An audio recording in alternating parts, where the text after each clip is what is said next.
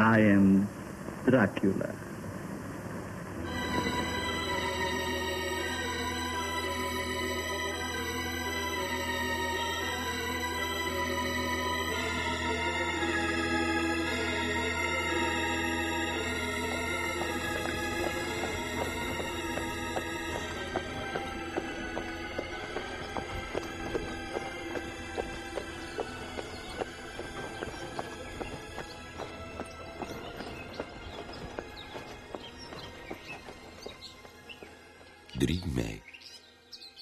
Heb ergens gelezen dat al het bekende bijgeloof van deze wereld voorkomt in het hoefijzer van de Karpaten, als in het centrum van een draaikolk van verbeelding. Als dat waar is, zou mijn verblijf wel eens erg interessant kunnen worden. 1897. In Bram Stokers boek Dracula reist de jonge veelbelovende Jonathan Harker, medewerker van een Brits makelaarsbedrijf, af naar Transylvanië om daar graaf Dracula te ontmoeten. De graaf heeft namelijk plannen om naar Londen te verhuizen. Er moet dus woonruimte geregeld worden en bovendien moet de graaf een goede inleiding krijgen in de dagelijkse gang van zaken in de Britse hoofdstad en in de bijzonderheden van de omgeving. Jonathan Harker heeft de opdracht de graaf zo goed mogelijk bij te staan en al zijn wensen naar behoren te vervullen. Thuis in Engeland wacht zijn verloofde Mina op bericht. 4 mei. Vlak voor mijn vertrek kwam de oude vrouw van de waard naar mijn kamer. Ze was nogal hysterisch. Ze zei met overslaande stem, moet u gaan? O, jonge her, moet u werkelijk gaan? Ze verkeerde in zo'n opgewonden staat dat ze de grip op het beetje Duits dat ze machtig was leek te zijn verloren. Ze wisselden het af met woorden uit een taal die ik niet kende. Ik kon haar dan ook alleen maar begrijpen door haar vele vragen te stellen. Toen ik haar uitlegde dat het tijd was om te gaan, dat ik een belangrijke afspraak had, vroeg ze me of ik wist wat voor een dag het was. Ik zei haar dat het de vierde mei was, en ze schudde haar hoofd. Oh, natuurlijk, dat weet ik, maar weet u ook wat voor een dag dat is? Toen ik zei dat ik haar niet begreep, vervolgde ze... Het is de avond van Sint Joris. Weet u dat vannacht, als de klok twaalf slaat... alle kwade zaken van deze wereld ruim baan krijgen... Weet u waar u naartoe gaat, wat u te wachten staat? Ze was duidelijk zeer overstuur en ik probeerde haar gerust te stellen, maar het hielp niet. Uiteindelijk viel ze op haar knieën en smeekte ze me om niet te gaan. Dat ik in ieder geval nog een dag of twee dagen zou wachten voor ik vertrok. Het was allemaal nogal belachelijk, maar het verontrustte me wel.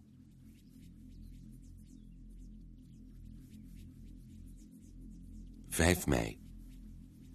Toen ik bij het rijtuig aankwam, had de koetsier zijn plaats nog niet ingenomen.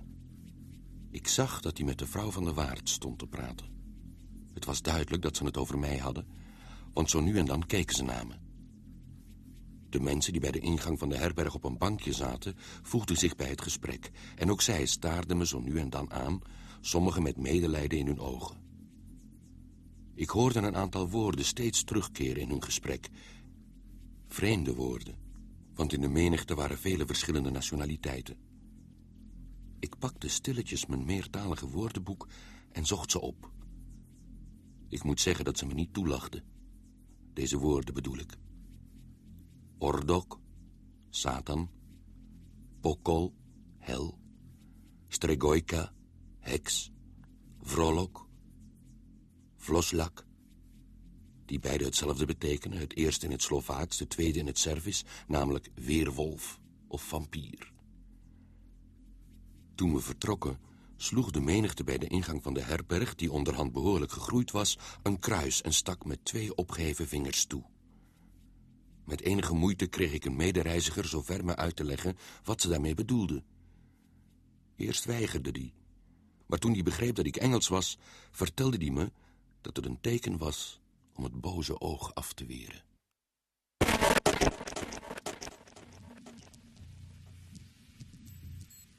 Er was vroeger zo'n filmprogramma op tv, gepresenteerd door dat kleine mannetje van de tros.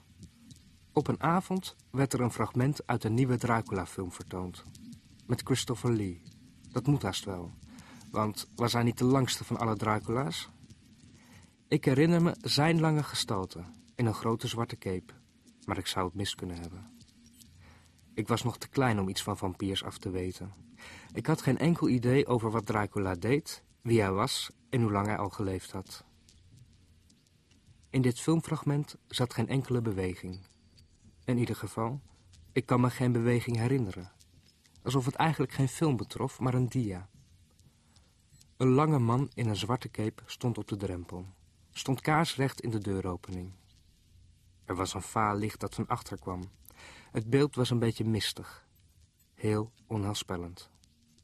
Wachtte Dracula op een uitnodiging binnen te mogen treden? Dan later in mijn slaapkamertje. Bang voor het donker kroop ik weg onder de dekens. Zou ik de kamerdeur openzetten? Zodat het licht van de gang naar binnen kon vallen? Nee, te gevaarlijk. Als in een droom zou daar dan in die deuropening Dracula kunnen verschijnen. Ik trok de dekens weer naar me toe. En met het beeld van de vampier, stilstaand in mijn deuropening, moet ik in slaap zijn gevallen.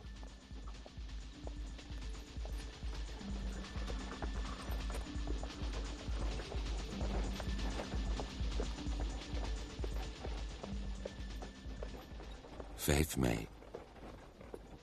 Terwijl we voortgingen over de eindeloos kronkelende weg... en de zon achter ons verder naar de horizon zakte... begonnen de kruipende schaduwen van de avond ons in te sluiten. Een feit dat nog eens benadrukt werd door de besneeuwde bergtop voor ons... die het zonlicht nog steeds vasthield en daardoor opgloeide in een delicaat koel roze. Zo nu en dan passeerden we Tsjechen en Slovaken... alle in hun schilderachtige klederdracht. Het viel me op dat velen van hen last hadden van een kropgezwel.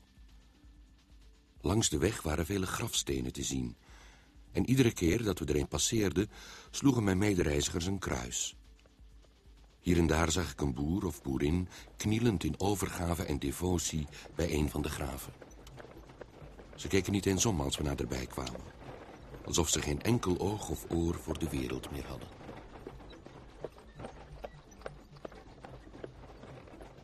Nadat Jonathan is overgestapt op een geheimzinnige zwarte koets... die zich door het holst van de nacht haast alsof de duivel op de hielen volgt... arriveert hij bij een ruïne op een hoge rots boven een vallei. Het kasteel van graaf Dracula.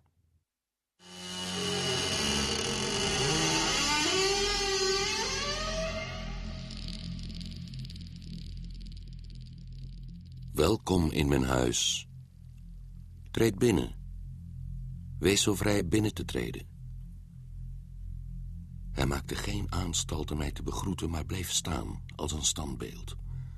Alsof zijn welkomstgebaar hem in steen had doen veranderen. Maar op het moment dat ik over de drempel heen was gestapt... schoot hij plotseling naar voren en greep hij mijn hand... met een kracht die de tranen in mijn ogen deed springen. Iets wat nog versterkt werd doordat zijn hand koud als ijs leek. Meer de hand van een dode dan van een levende man. Welkom in mijn huis. Kom in vrijheid en ga in veiligheid. En laat dan iets achter van het geluk dat u meebrengt. De kracht van zijn hand leek zo op de kracht van de koetsier... wiens gezicht ik niet had kunnen zien... dat ik me even afvroeg of het niet dezelfde persoon was... tegen wie ik nu sprak. Daarom vroeg ik, bij wijze van zekerheid... Graaf Dracula? Hij boog hoffelijk en antwoordde... Ik ben Dracula en ik heet u welkom in mijn huis, meneer Haker. Treed binnen. De nachtlucht is kil en u moet zo onderhand behoefte hebben aan rust en aan een goede maaltijd. Hij schoot langs mij heen naar buiten en voordat ik hem er had kunnen van weerhouden... had hij mijn bagage naar binnen gedragen. Ik protesteerde, maar hij was vastberaden. O heer, u bent mijn gast. Het is laat en mijn mensen zijn niet beschikbaar. Laat mij zelf toezien op uw welzijn. Hij stond er op mijn bagage zelf door de lange gang te dragen... en naar boven via een grote wenteltrap. En toen weer door een lange gang... waar onze voetstappen hard en hol weer klonken op de stenen vloer. Aan het einde van de gang gekomen... duwde die een zware, grote deur open... en ik was verheugd bij het zien van een goed verlichte ruimte waar een tafel was gedekt voor het avondeten... en waar in het midden een groot haardvuur brandde. I'm sure you will find this part of my castle more inviting. Well, rather. It's quite different from outside. Oh, and the fire, it, it's so cheerful. I didn't know but that you might be hungry. Well, thank you. That's very kind of you. This is very old wine. I hope you will like it.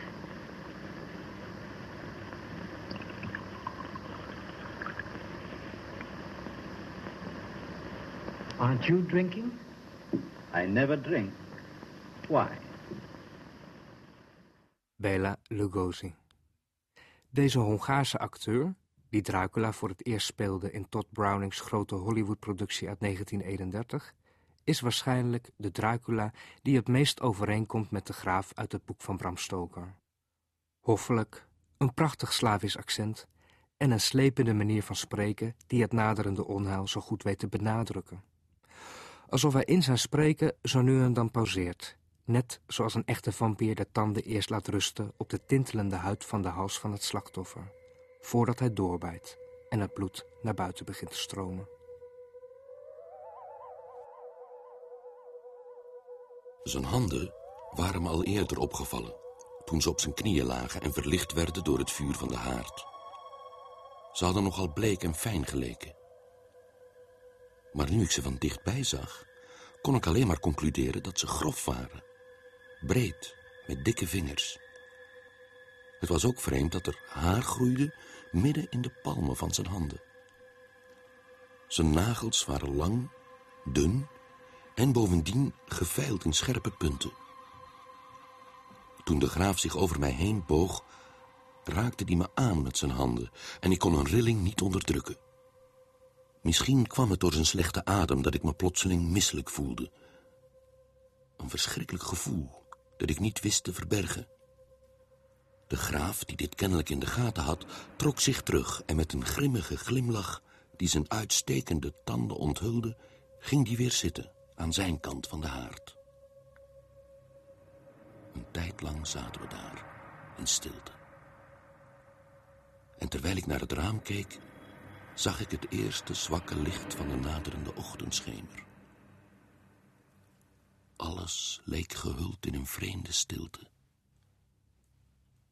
Toen hoorde ik plotseling het gehuil van vele wolven, ver weg vanuit de diepte van de vallei. De ogen van de graaf flikkerden op en hij zei... Luister naar ze. De kinderen van de nacht. Wat een prachtige muziek.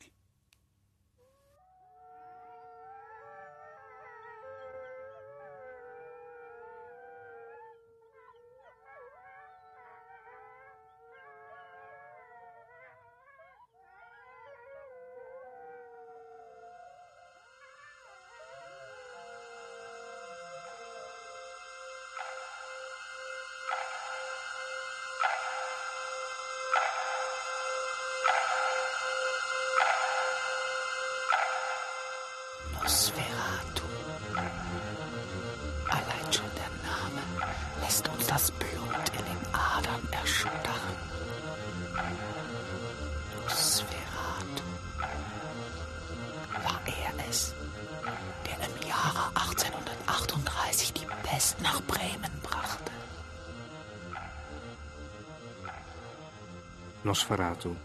Een naam die regelmatig opduikt in vampierverhalen. Maar Nosferatu is geen ander woord voor vampier of Dracula.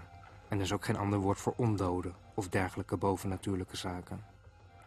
Nosferatu stamt af van het oud-Griekse woord nosophoros, wat pestdrager zou betekenen.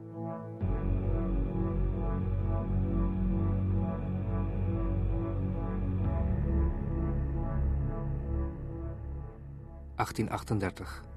Graaf Dracula verandert zijn naam in Graaf Oorlog. En ditmaal gaat de reis van Transylvanië naar Bremen.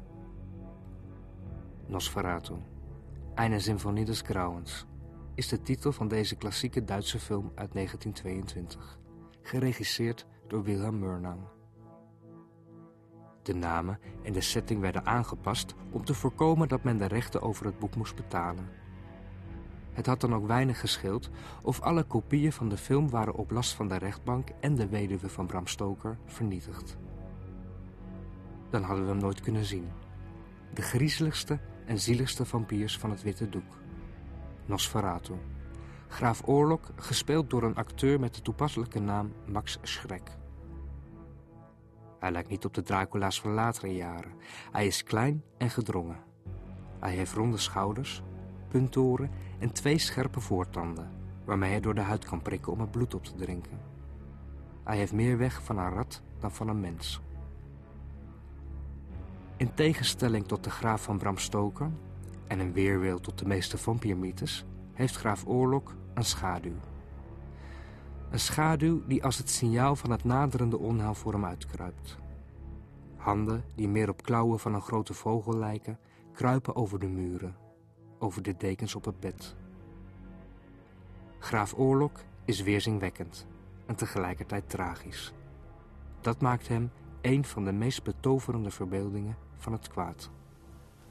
Nosferatu.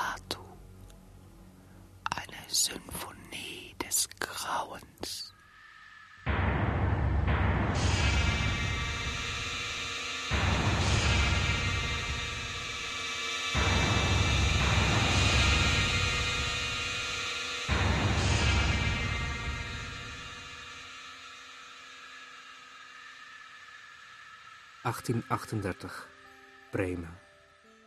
De pest is uitgebroken. De stad is in chaos. Een lange rij doodskisten wordt door de straten gedragen richting de horizon. Nosferatu. Het was hij die de pest naar Bremen bracht. De pest reisde mee met de ratten op het schip van graaf Oorlog, de rat onder de mensen. In de goede traditie van de oude stille films dwalen de vrouwen in witte jurken over het doek. Vallen ze nogal eens flauw en zwaaien ze geregeld hysterisch met hun armen door de lucht. Kwetsbare femme fragile. Zo ook Mina Harker, die in deze film Nina heet. Graaf Oorlog woont in een van de grote pakhuizen tegenover haar slaapkamer. En s'nachts staart de lelijke rattenkop haar aan, verstild in zijn verlangen, dreigend en onverstaanbaar. Alleen een van zijn klauwenvingers beweegt, rustig op en neer, alsof hij weet dat het moment nabij is. Het moment dat Nina Harker haar verzet opgeeft en zich zal opofferen voor het door de pest geplaagde Bremen. Over de aard van die opoffering zal geen enkele twijfel bestaan.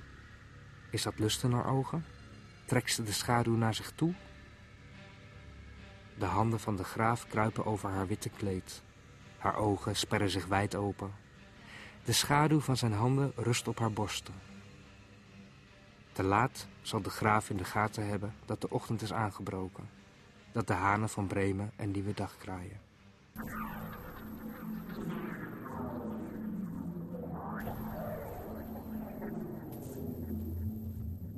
8 augustus.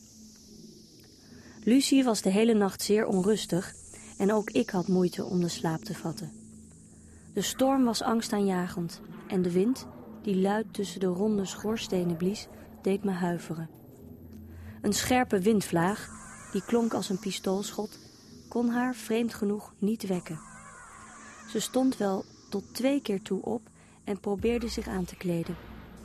Gelukkig werd ik beide keren wakker en lukte het me om haar weer uit te kleden, terug naar haar bed te leiden, zonder haar slaap te verstoren. Ik vind haar slaapwandelen erg vreemd, want iedere keer dat ze gehinderd wordt om te gaan doen wat ze kennelijk van plan is, gehoorzaamt ze en keert ze weer terug naar het bed. Augustus 1897. Mina wacht op bericht van haar verloofde Jonathan, die zich op dat moment ergens in Transylvanië bevindt. Ze heeft haar intrek genomen bij haar goede vriendin Lucie Westenra in het havenplaatsje Whitby, niet ver van Londen. We zien haar regelmatig langs het strand lopen. We hebben haar naar de golvende horizon van de zee zien staren, wachtend op bericht. Dan breekt er uit het niets van een druilerige zomerdag een heftige storm op. Een door God verlaten schip meert af in de haven. De kapitein hangt bloedeloos vastgebonden met touwen aan het stuurwiel. Tijdens de reis van Oost-Europa naar Engeland hebben zich wel zeer merkwaardige dingen voorgedaan op dit schip. Vroeg in de ochtend stonden we samen op en liepen we richting de haven om te zien of er die nacht iets was gebeurd. Er waren nog maar weinig mensen. Terwijl het zonlicht fel was en de lucht helder en stralend, drongen de grote, grimmige golven, die zelf donker leken omdat het schuim op de toppen wit als sneeuw afstak, door de nauwe opening van de haven. Ergens was ik blij dat Jonathan vannacht niet op zee was, maar op land. O, was hij wel op land en niet op zee? Ik begin me nu toch erg veel zorgen te maken over hem. Wist ik maar wat ik kon doen.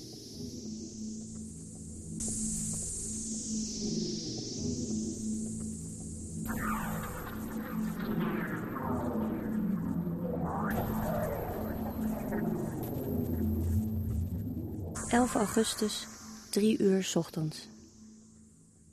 Ik ben te aangedaan om de slaap nu te kunnen vatten, dus zal ik in mijn dagboek schrijven. We hebben zulk een wonderlijk avontuur gehad, zulk een angstaanjagende ervaring.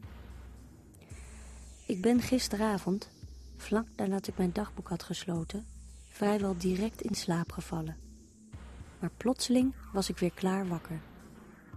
Ik zat rechtop in bed en werd overspoeld door een afschuwelijke angst evenals door het gevoel van verlatenheid, van een leegte die me leek te omringen.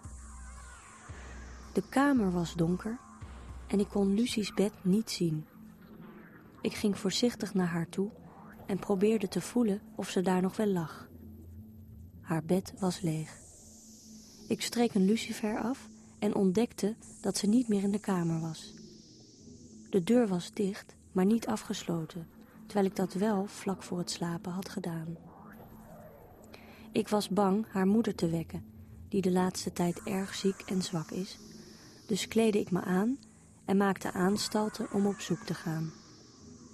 Maar vlak voordat ik de kamer wilde verlaten, realiseerde ik me dat er misschien een aanwijzing was te vinden in de kleren die Lucie had aangetrokken.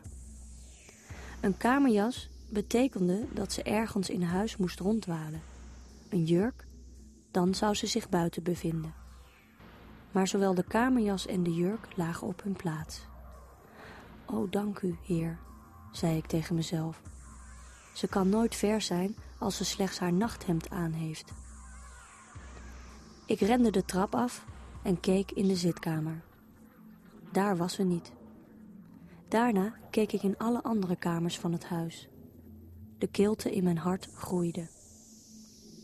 Ten slotte kwam ik in de hal terecht waar ik ontdekte dat de deur naar buiten open stond. Het personeel van dit huis is altijd zeer punctueel in het sluiten van de deur, dus vreesde ik dat Lucie, zo in haar nachthemd, naar buiten was gelopen. Er was geen tijd na te denken over wat er aan de hand kon zijn. De angst ontnam me het zicht op de details. Dus pakte ik een grote sjaal, sloeg die om en rende naar buiten. De klok sloeg één uur toen ik buiten op de Crescent stond. Er was geen levende ziel te bekennen. Ik rende over de North Terrace, maar ook daar was Lucie niet. Toen bereikte ik de Westcliff, vlak boven de pier bij de haven.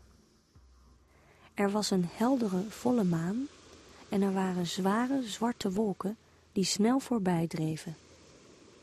De hele omgeving was gehuld in een spel van licht en schaduw. Toen zag ik, vlak bij de ruïnes van het klooster van de heilige Maria, op een van onze favoriete plekjes, een wit geklede figuur in het zilverwitte maanlicht. Doordat er opnieuw een wolk voor de maan schoof, kon ik niet veel zien, want een kort moment was ze verdwenen in het duister. Maar het leek alsof er iemand achter haar stond een donkere figuur die zich over haar heen boog. Of het een man of een beest was, dat kon ik niet zien.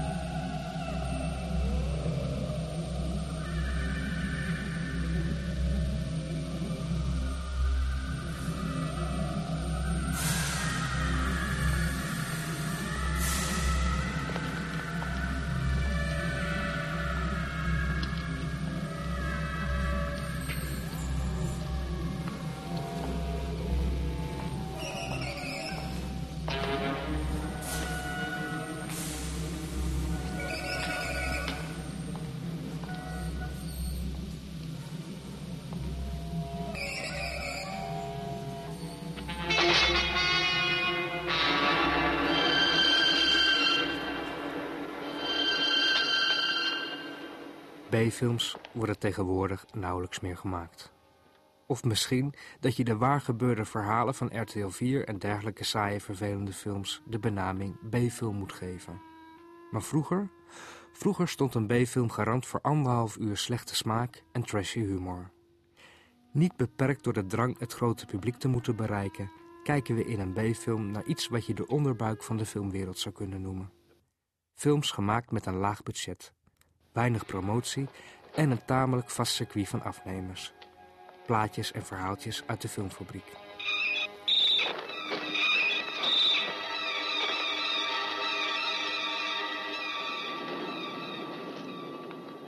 Dracula en andere vampiers waren een dankbaar onderwerp voor dergelijke films.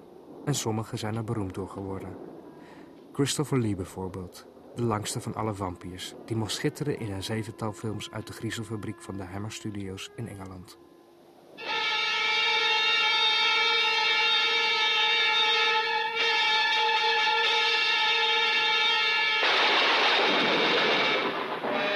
You have decided to return to my house.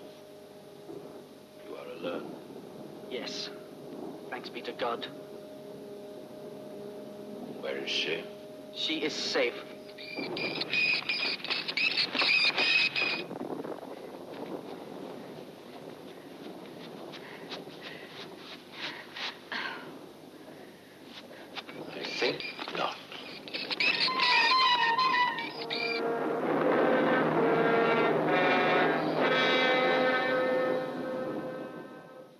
Dracula B-films zijn bij uitstek geschikt voor een nadere studie van de regels rond het vampirisme.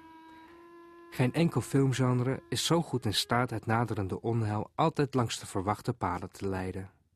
Sterker nog, zodra er ook maar 1 millimeter wordt afgeweken van de regels uit het boek der vampiers, gaat het publiek even rechtop zitten. Wat gebeurt hier? Heeft Dracula ineens een spiegelbeeld? Is hij ineens onkwetsbaar voor het heilige wijwater uit de kerk?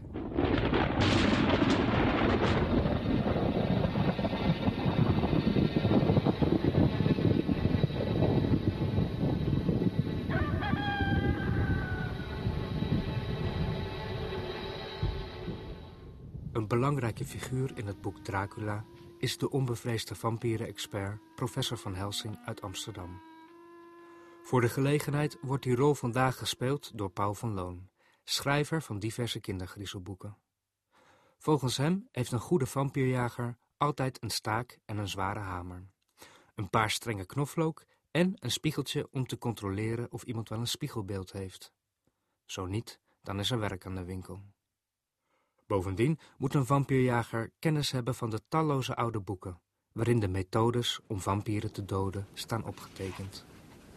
De meest merkwaardige die ik tegen ben gekomen om een vampier te doden. Ik zal hem even.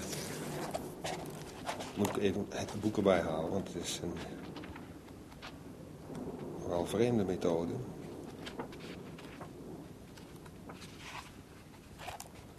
Ah. Heeft te maken met manieren die, die, die er zijn om vampier te doden of uit te schakelen. Hè? Dus eh hoofd afhakken is er ook een. Sommige manieren zijn het heel smerig uiteraard. En als je daar niet van houdt, dan heb je ook een heel, zeg maar, eh vampiervriendelijke manier. Een heel merkwaardige. Je moet namelijk de linkersok van de vampier stelen. Dat is een heel ongebruikelijke manier, die slechts in enkele gevallen werkt ook. Die sok die moet je met aarde vullen uit het graf of met stenen. En die moet je ver buiten de bebouwde kom in een rivier gooien. De voorwaarde is natuurlijk wel dat de, dat de vampier sokken draagt. En dat je links en rechts uit elkaar kunt houden. Want het werkt alleen als je de linker sok steelt. Ze moet geen sportsokken dragen. Nee, dat ziet het verschil als niet natuurlijk. Dus al dat soort dingen, dat moet een vampierjager ook weten en kunnen doen natuurlijk. Waar komt deze methode vandaan? Die komt ook ergens uit eh, Oost-Europa. Er komen heel veel methodes vandaan. Wat zijn nou eigenlijk opvallende kenmerken van een vampier? We hebben het al gehad dat hij geen spiegelbeeld heeft. Geen schaduw. Sommigen hebben wel een schaduw. Sommigen wel een schaduw, dat varieert nog alles. Maar nou, opvallend is natuurlijk dat hij, eh, als hij zich niet sminkt, tenminste heel bleek is. En eh, hij slaapt overdag in een kist. Dat, eh, dat moet zo. En hij staat pas op als de zon onder is gegaan. Totdat de zon weer opkomt. Dan moet hij weer terug in zijn kist kruipen. Over het algemeen wordt er aangenomen dat hij in zijn kist een beetje aarde uit de geboortegrond van, uit, eh, aarde van zijn geboortegrond moet hebben. Dat het in de kist moet liggen, wat hij dan ook overal mee naartoe sleept. En uh, hij heeft ook de hele merkwaardige neiging om, om, uh, om te gaan tellen bepaalde dingen. Als je korrels strooit ergens, dan moet je die gaan tellen. Dus als je een vampier wilt vertragen als die achter jou aan zit, ik noem maar wat. Dan kun je een heleboel graankorrels of dat soort dingen strooien. En dan, dan moet hij die gaan tellen. Hij is een dwangmatige teller van, uh, van dat soort kleine dingen. Een merkwaardig verschijnsel eigenlijk. Beetje dwangneurotisch. Ja. Een neurotisch figuur, de, de vampier blijkbaar. Dat geldt ook voor zijn behoefte aan bloed natuurlijk. Hij, dat heeft hij nodig om te kunnen voortbestaan. Hij kan wel, kijk, hij zal niet doodgaan als hij het niet krijgt, maar hij heeft het nodig om te kunnen leven als een ondode, als het ware. Uh, ze kunnen zich van gedaante veranderen. Dat is ook een uh, eigenschap die ze hebben. Ze kunnen zich zelfs in een soort mist veranderen, waardoor ze door kieren en gaten ergens naar binnen kunnen. En geluk daarbij is dat ze niet zomaar een huis kunnen betreden zonder dat ze zijn uitgenodigd door een van de bewoners. Ook niet in die mistvorm. Maar daarvoor kunnen ze natuurlijk allerlei trucs bedenken om wel uitgenodigd te worden. Omdat ze ook het vermogen hebben om, om zichzelf van gedaante te veranderen. Meestal gebruiken ze de vorm van een vleermuis dan.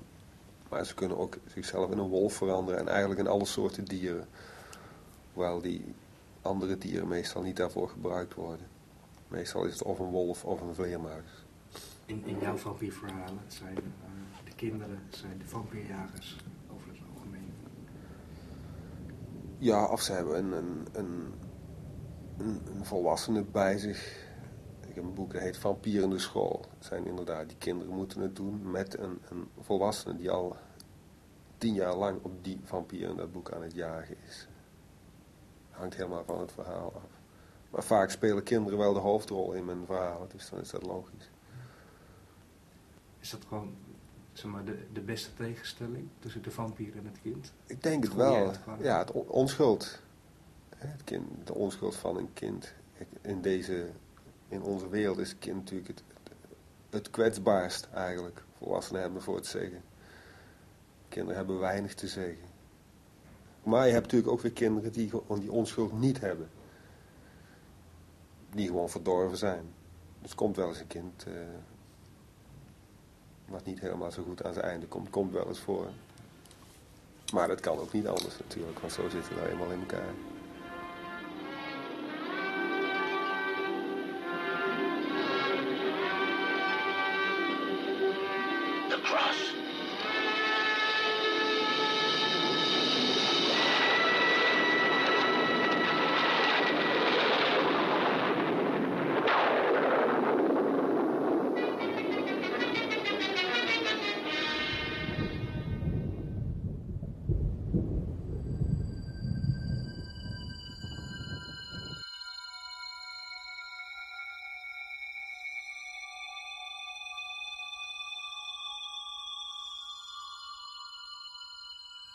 Niet goed te kijken.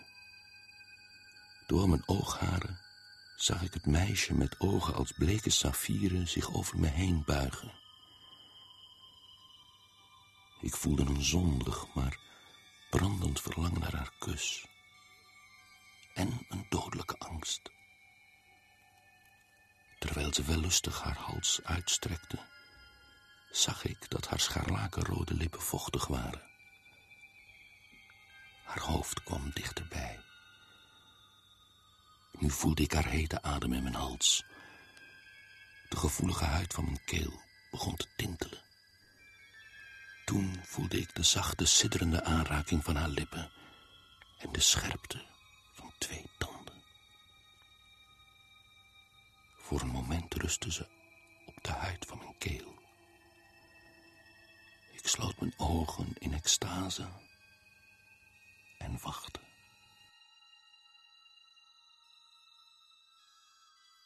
Lang geleden was de Franse actrice Catherine Deneuve een Egyptische koningin die het geheim van het eeuwige leven ontdekte.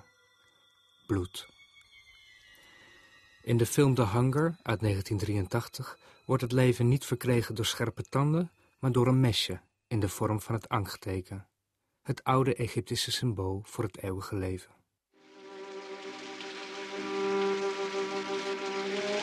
Forever? What? Forever and ever.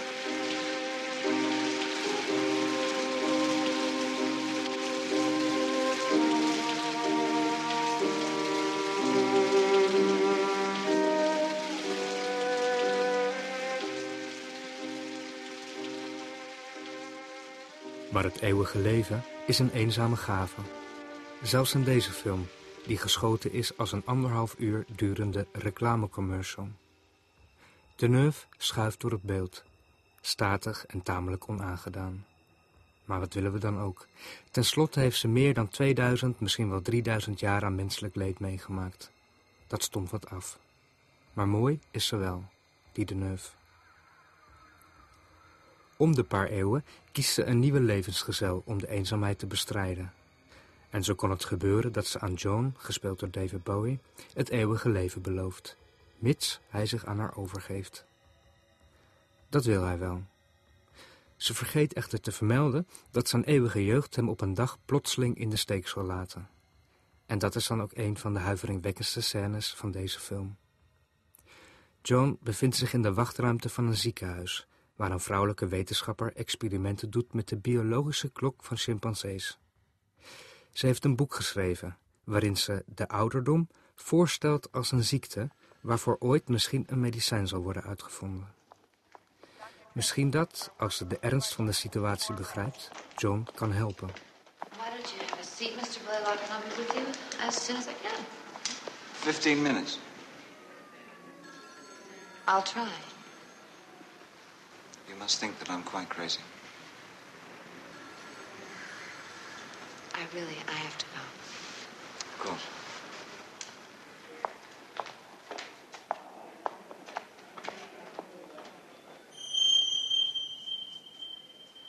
John wordt met de minuut ouder. Hij haalt een hand door zijn haar. Plukjes vallen op zijn schoot. Rimpels graven zich vast in zijn gezicht. En plotseling verschijnen er van die geelbruine levervlekken op zijn handen. De tijd dringt. Hi, Fred. This is Dr. Roberts. Hi. Uh, listen, I just had another nut wander into my office. Oh, yeah, I'm fine. I left him in the patient's lounge on 8. Great, thank you. Oh, Fred, look, don't break his legs or anything, okay? He's quite harmless. Just uh, let him sit there for a while and he'll probably get tired and leave. Thanks.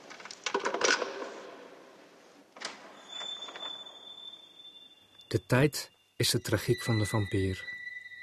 Of hij nooit kan sterven, of plotseling toch nog zal sterven. De tijd tikt door. De tijd tikt slechts door. Excuse me. Sir? Excuse me, sir. sir, smoking is not permitted. Ook in de Mexicaanse film The Kronos Device speelt de tijd een grote rol. In 1536 ontdekte een alchemist en klokkenmaker in Veracruz, Mexico, de sleutel tot het eeuwige leven. Hij construeerde een wonderlijk apparaat van goud. Een soort scarabee. Al heeft het apparaat ook wel wat weg van een chocoladekikker, verpakt in feestelijk goudpapier. Por favor, por favor, por favor. Con todo cuidado por mi alma, por favor.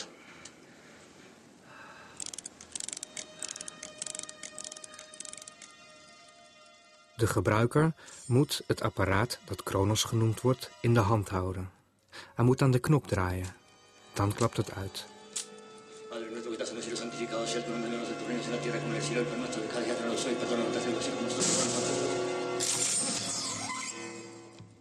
Scherpe klauwen zetten zich vast in de huid. Een kromme naald schiet naar buiten en prikt naar de aders, naar het bloed. In dit geheimzinnige apparaat zit, vastgeklemd tussen de radertjes van een wonderlijk uurwerk, een groot bruin insect. Die zuivert het bloed en brengt daarmee de jeugd terug. Misschien dat insecten Gods favoriete wezens zijn, merkt een van de personages in deze film op. Jezus liep over het water en dat doen de muskieten ook. Wederopstanding is bovendien geen onbekend fenomeen onder mieren en spinnen. Soms zitten die jaren opgesloten in een rots, wachtend op het moment dat ze los kunnen breken.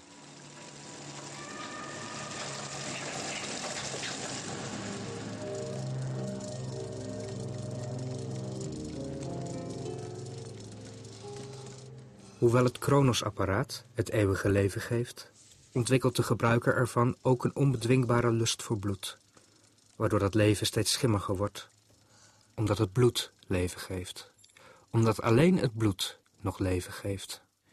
Uh, bloed heeft uh, verschillende functies. Uh, zoals, zoals, u misschien weet hebben we 5 tot 6 liter bloed in ons lijf. Dat is ook afhankelijk van het lichaamsgewicht. En het bloed zorgt ervoor dat de zuurstof van de longen naar eh, de cellen wordt getransporteerd en dat de, de voedingsmiddelen worden getransporteerd. En bovendien uh, vervoert het ook uh, warmte, afweerstoffen en, en hormonen. Dus het is voornamelijk een transportmiddel, zou je kunnen zeggen. Aan het woord is Marleen de Bruin, algemeen secretaris van Sanguin, een organisatie die vorig jaar ontstond na de fusie tussen de bloedbanken en het Centraal Laboratorium voor de Bloedtransfusiedienst. Weten we al eeuwen dat bloed van het grootste belang is voor ons lichaam en leven? Tegenwoordig weten we nog veel meer over bloed. Hoe het is opgebouwd, hoe je het kunt verwerken, bewerken en bewaren en gebruiken. En ook dat het voor een veilig gebruik getest moet worden. Op het HIV-virus bijvoorbeeld, op hepatitis B en C en op syfilis. Veilig bevonden bloed gaat de centrifuge in, een soort Kronos-apparaat, maar dan in het groot. En zonder insecten, zonder vampiristische bijwerkingen. U hebt dan een halve liter bloed afgestaan als donor. Um, dat, die halve liter uh, wordt opgevangen in een zak. Daar zit een, een, uh, een antistolmiddel in, uh, want anders zou het bloed natuurlijk onmiddellijk klonteren.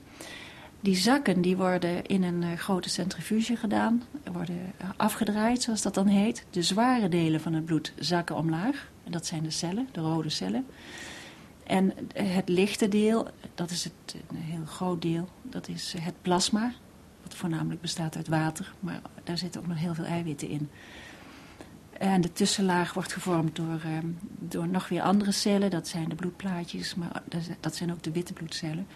Nou, die, uh, die afgedraaide zakken, zoals dat heet, die gaan dan in een, uh, in een persapparaat. Aan de bovenkant komt uh, dan het plasma eruit. Aan de onderkant de rode bloedcellen. En in het midden blijft dan een soort soep achter waar dan nog allerlei andere cellen in zitten. De rode bloedcellen die, die worden opgeslagen bij 4 graden. Die kunnen dan vijf weken bewaard blijven. Het plasma wordt diep gevroren tot bij min 30 graden. En ehm, van het restant wordt, gaat dan opnieuw in een, in een centrifuge en daar, wordt dan, uh, daar worden bloedplaatjes uh, uitgewonnen. Het overgrote deel van het plasma gaat hier naar het CLB in Amsterdam. En daar staat een fabriek waar 250.000 liter plasma op jaarbasis verwerkt wordt op farmaceutische wijze tot heel veel verschillende geneesmiddelen.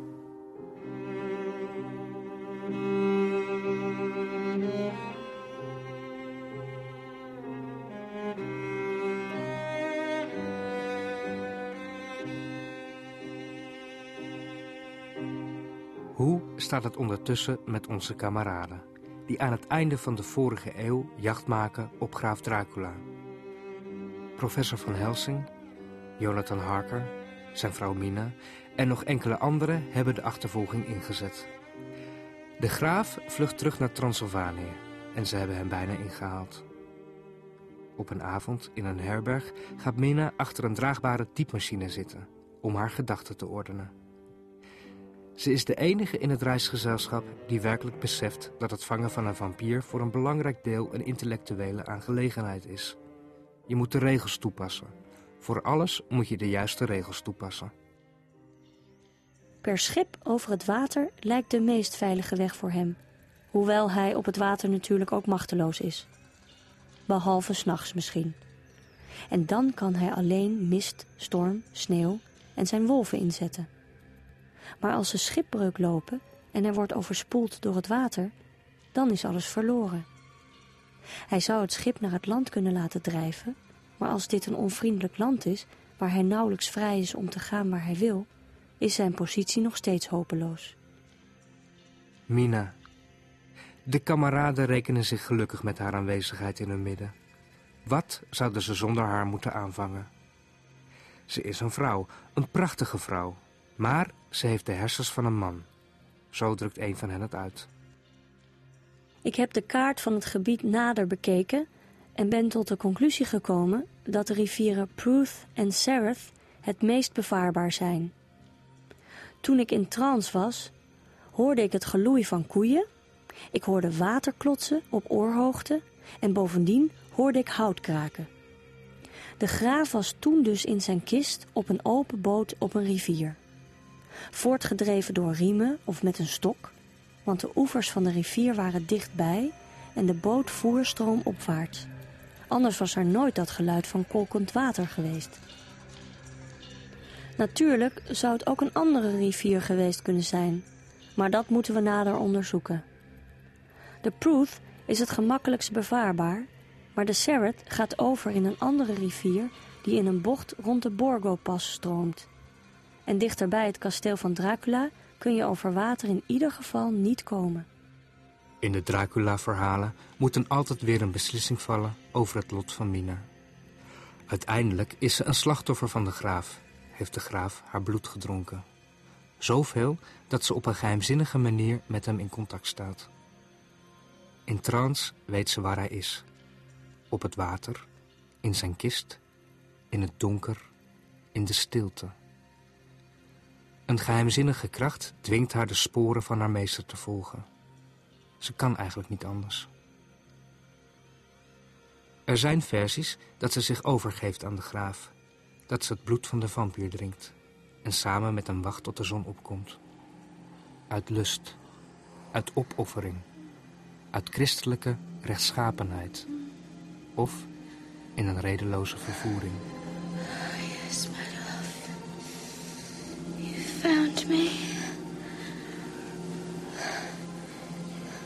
Most precious life. I've wanted this to happen. I know that now. I want to be with you always. You cannot know what you are saying. Yes. I do know. Over haar lot wordt beslist in de laatste meters film. Op de laatste bladzijde van het boek.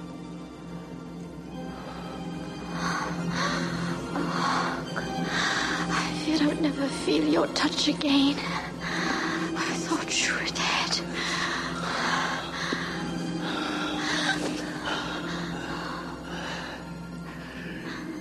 There is no life in this body. Julia.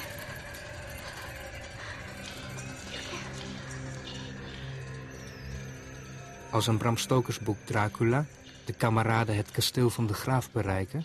precies op het moment dat een groep zigeuners de kist naar binnen wil dragen... zakt de zon langzaam weg achter de toppen van de bergen.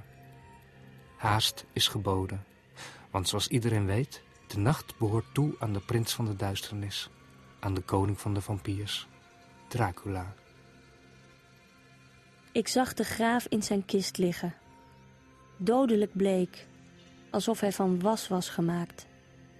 Zijn rode ogen gloeiden met de verschrikkelijke wraakzucht die ik zo goed kende. Terwijl ik naar hem keek, zag ik in zijn ogen de ondergaande zon en zijn blik van haat veranderde in triomf. Op dat moment sneed Jonathan hem de keel door en een ander mes boorde zich diep in zijn hart. Het was als een wonder. Voor mijn ogen verkruimelde zijn lichaam tot stof. Ik ben blij dat ik erbij heb kunnen zijn, dat ik het met mijn eigen ogen heb kunnen zien. Want in dat laatste moment, waarin de graaf min of meer oploste in het niets, zag ik in zijn gezicht een uitdrukking van vrede. Een blik die ik nooit van hem verwacht had. Het kasteel van Dracula stak zwart af tegen de rode hemel. Iedere steen van de verbrokkelde kantelen tekende zich af in het licht van de ondergaande zon.